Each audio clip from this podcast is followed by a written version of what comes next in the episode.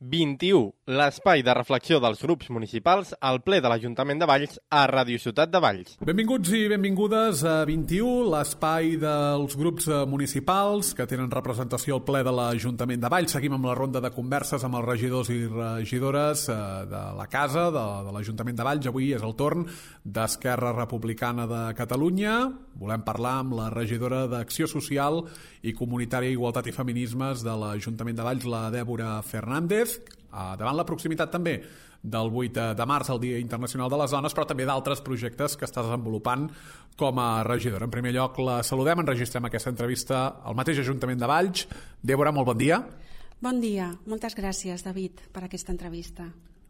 Vuit mesos, més o menys, que ets eh, regidora. De fet, ja ens vas visitar amb els nous regidors eh, d'Esquerra. Recordem, ostentes eh, la responsabilitat d'acció social i comunitària, igualtat i feminismes, dues regidories també, sí, se li ha volgut donar un top no? respecte a l'anterior regidor que era el Jordi Cartanyà, com és aquest balanç? Suposo que ja adaptant-te a la realitat eh, municipal, també provens d'un àmbit eh, que coneixes eh, en el fet de, del treball social, com està anant aquest aterratge aquí al consistori? Bé, doncs, eh, en termes generals, aquests vuit mesos com a regidora de l'Ajuntament de Valls m'han servit per conèixer en profunditat com és, per una banda, el funcionament diari de l'Ajuntament i, per altra, doncs, l'operativa, no? Eh, en un govern amb coalició, les juntes de govern, les comissions informatives, el ple... Conèixer tots els passos perquè l'engranatge funcioni és important per un treball òptim i els tres anys i mig de mandat que tenim per endavant. Ara bé, aquest aprenentatge tan intens que he tingut en els últims mesos no hagués estat possible sense el recolzament de la Teresa i tot l'equip que conforma el grup municipal d'Esquerra Valls i també destacar el paper fonamental de les assessores, no? la Núria i l'Alba i tots els professionals de les àrees que fan que tot funcioni. Per altra banda, hi ha en el si de les regidories, en primer lloc, el coneixement més en profunditat de la regidoria d'Acció Social i Comunitària, Igualtat i Feminismes. Això és, vol dir conèixer aquestes dues grans àrees com són serveis socials, plaça i igualtat.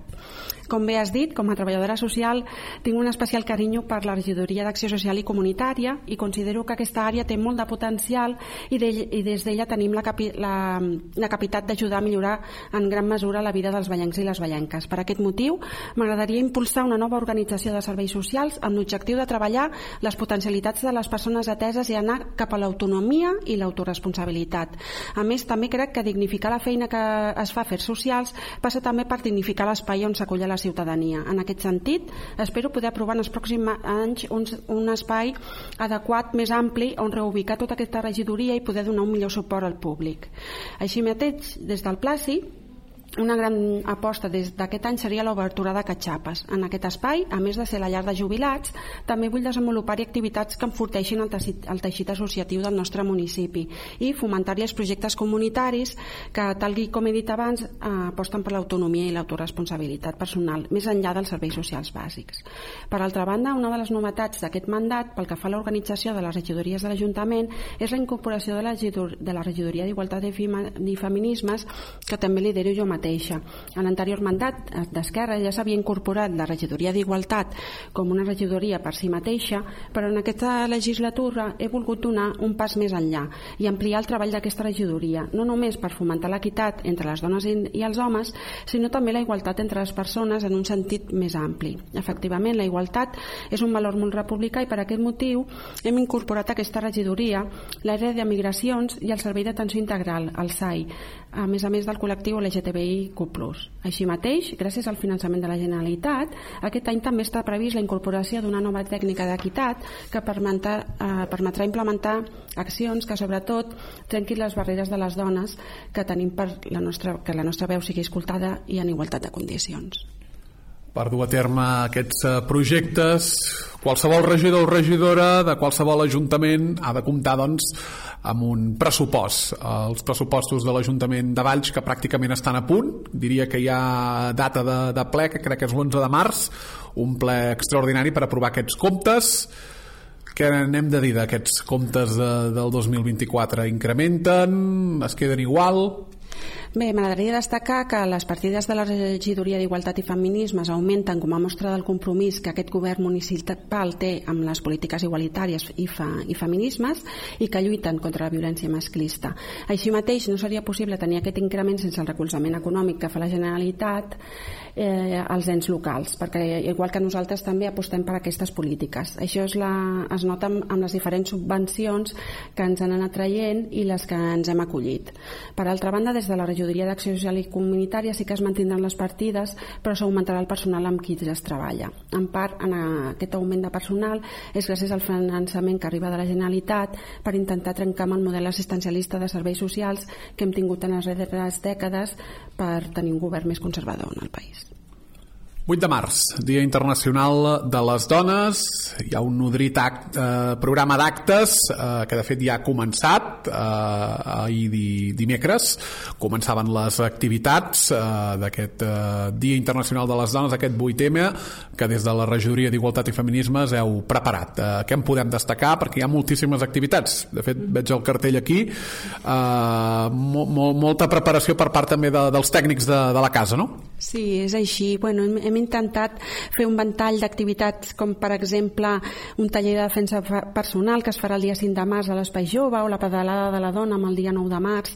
El dia 16 de març el pavelló Xavitondo incorpora una novetat que és el servei de canguratge. Per les persones que hi participin puguin deixar els seus infants de 3 a 12 anys en un espai preparat pel mateix pavelló. Voldria posar èmfasi en activitats artístiques encapçalades per dones ballenques, com són el documental Dolors, que es projectarà el dia 2 de març als cinemes JCA de Valls, o la creació escènica a Real, que es realitza el dia 6 de març al Teatre Principal. Aquesta última sorgeix arrel d'un treball comunitari que fa créixer els vincles entre les dones de diferents orígens i amb especial sensibilitat comunitària. Podeu trobar més informació en el cartell que hem elaborat, tal com dius, gràcies a, a les diferents entitats i això doncs, a, també ho penjarem per xarxes socials. Voldria destacar que la lluita pels drets de les dones no es pot liderar des d'una sola regidoria, sinó que és transversal i en aquest sentit hem organitzat activitats que hi participen, participen diferents àrees de l'Ajuntament. Aprofito ja la vinentesa per donar les gràcies, ja ho he fet en diverses ocasions, però ho torno a dir que és molt important que sense les entitats doncs, eh, no seria possible aquests actes i també animo tothom a participar-hi quins objectius a Valls s'han de fer de cara al Dia de la Dona, tenint en compte que els 365 dies han de ser iguals. Uh, sí que també tenim el 25N, però el, hauria de ser sempre igual amb aquesta equitat que, que, que, que feia referència. Exacte, hi ha molta voluntat per part de les entitats de col·laborar i des de la Regidoria d'Igualtat i Feminismes estem fent una clara aposta perquè les dones puguin disposar d'espais de temps lliure de qualitat, amb l'objectiu d'intentar revertir l'elevat nombre d'hores que les dones dediquen a les cures familiars en comparació amb els homes. Per aquest motiu estem treballant per posar facilitats a les famílies ballenques en la cura dels seus fills menors a través del programa Temps per Tu. Per això aquest any hem iniciat una diagnosi per detectar les necessitats i planificar accions en funció d'aquestes. Així mateix, a part d'això, tenim previst activitats conjuntes amb altres regidories i col·laborem de forma transversal per tal d'abordar les necessitats des de les diferents perspectives. Així mateix, no ens podrem oblidar de les violències que patim les dones només, no, no només pel sol fet de ser-ho. Per tal d'abordar les violències masclistes, des de la regidoria hem preparat uns plans d'accions que espero poder anunciar a finals de mes que ve i que van dirigides a tots els sectors de la població, dels joves a personal del, mm, del propi Ajuntament. Finalment, una de les accions d'aquest paquet d'activitats que sí que puc anunciar es fa la formació per entitats, que comença aquesta tarda i que vaig anunciar a la roda de premsa. Tinc la voluntat de treballar des de la regidoria l'abordatge de les violències masclistes en les entitats ballenques com una manera de conscienciar les violències a la gent no? i fomentar la participació de les dones en igualtat de condicions en la vida de la ciutat. Per arribar a aquest objectiu, el primer pas és que les entitats tinguin el seu propi pla d'igualtat individualitzat, que es permeti analitzar-se i traçar les seves pròpies línies d'actuació davant de les violències masclistes de tots tipus. La formació que comença aquesta tarda és, és la primera de les sessions i van acompanyades per una formadora experta que ens ha de permetre a les entitats elaborar el seu propi pla d'igualtat. A partir d'aquí, altres projectes desenvolupats eh, dins la regidoria d'Acció Social i Comunitària, Igualtat i Feminismes, podem parlar del temps de cures, del servei de canguratge que em feia referència, també la Setmana de les Capacitats, que també va ser molt, molt exitosa, l'Escola de Persones Cuidadores, que ja la tenim en desenvolupament, tallers de diabetis, molts projectes. Ens en pots fer una breu síntesi perquè realment aneu carregats de feina eh, en aquestes dues regidories? Sí, sí. Uh, des del Placi, per exemple, seguim treballant des de la participació ciutadana en aquells projectes que ajudin a cobrir les mancances com a comunitat i seguim amb unes línies estratègiques que són la guia per poder fa, fer aquestes actuacions, no? tots els col·lectius i no deixar ningú fora. Des de la, la Regidoria d'Acció Social i Comunitària seguim treballant col·laborativament amb les entitats, però també volem donar cabuda a nous projectes i treballar de forma transversal amb serveis socials, entitats, serveis, serveis. A nivell de salut comunitària seguim amb les taules de participació com per exemple doncs, eh, doncs ha arrencat la sisena edició de l'Escola de Persones Cuidadores, el taller de diabetis, liderat per, per, liderat per persones del Pius Hospital i del CAP, el programa de prevenció i sensibilització en la salut, caminada pel dia de l'activitat física, la xerrada sobre salut, accions de prevenció de consum de substàncies, taller d'estimulació cognitiva, els parcs de salut, acompanyament a la gent gran. Des del servei de mediació i dinamització comunitària seguim amb l'espai de coneixència, que és un espai formatiu per a dones nouvingudes per aprendre català bàsic. Tenim com a novetat que també oferim el servei de canguratge per infants de 0 a 3 anys i així assegurem l'assistència d'aquestes dones.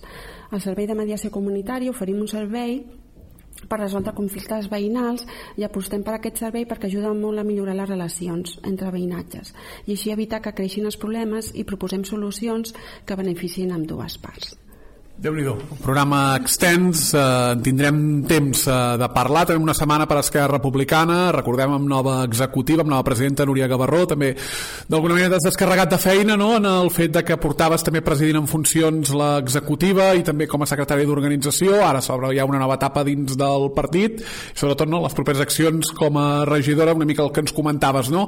l'obertura de Catxapes, que pot ser el pas important no? d'aquest mandat. Sí, per nosaltres és molt important que ja mm, tenim, estem ultimant, ja s'estan fent eh, les, eh, les, eh, l'adquisició de, del, del mobiliari, que i això doncs, eh, també és, és important no? que ja anem cap aquí, parlant amb les entitats per poder acabar de fixar els horaris, no? perquè és el que deia una mica, no? com a llars de jubilats ja la cosa està molt avançada eh, i, i, el, i la, la intenció és aquesta no? que també les entitats puguin tenir aquell espai, també s'està acabant d'ultimar no? els, els últims eh, preparatius perquè eh, és una evidència que, que, que Xapes doncs, ja, ja obrirà portes eh, aviat. Doncs així ho esperem i de seguida que s'obri segur que tindrem l'oportunitat de parlar amb Débora Fernández, la regidora d'Acció Social i Comunitària, Igualtat i Feminismes. Avui torn per a Esquerra Republicana, formació amb cinc regidors al govern municipal.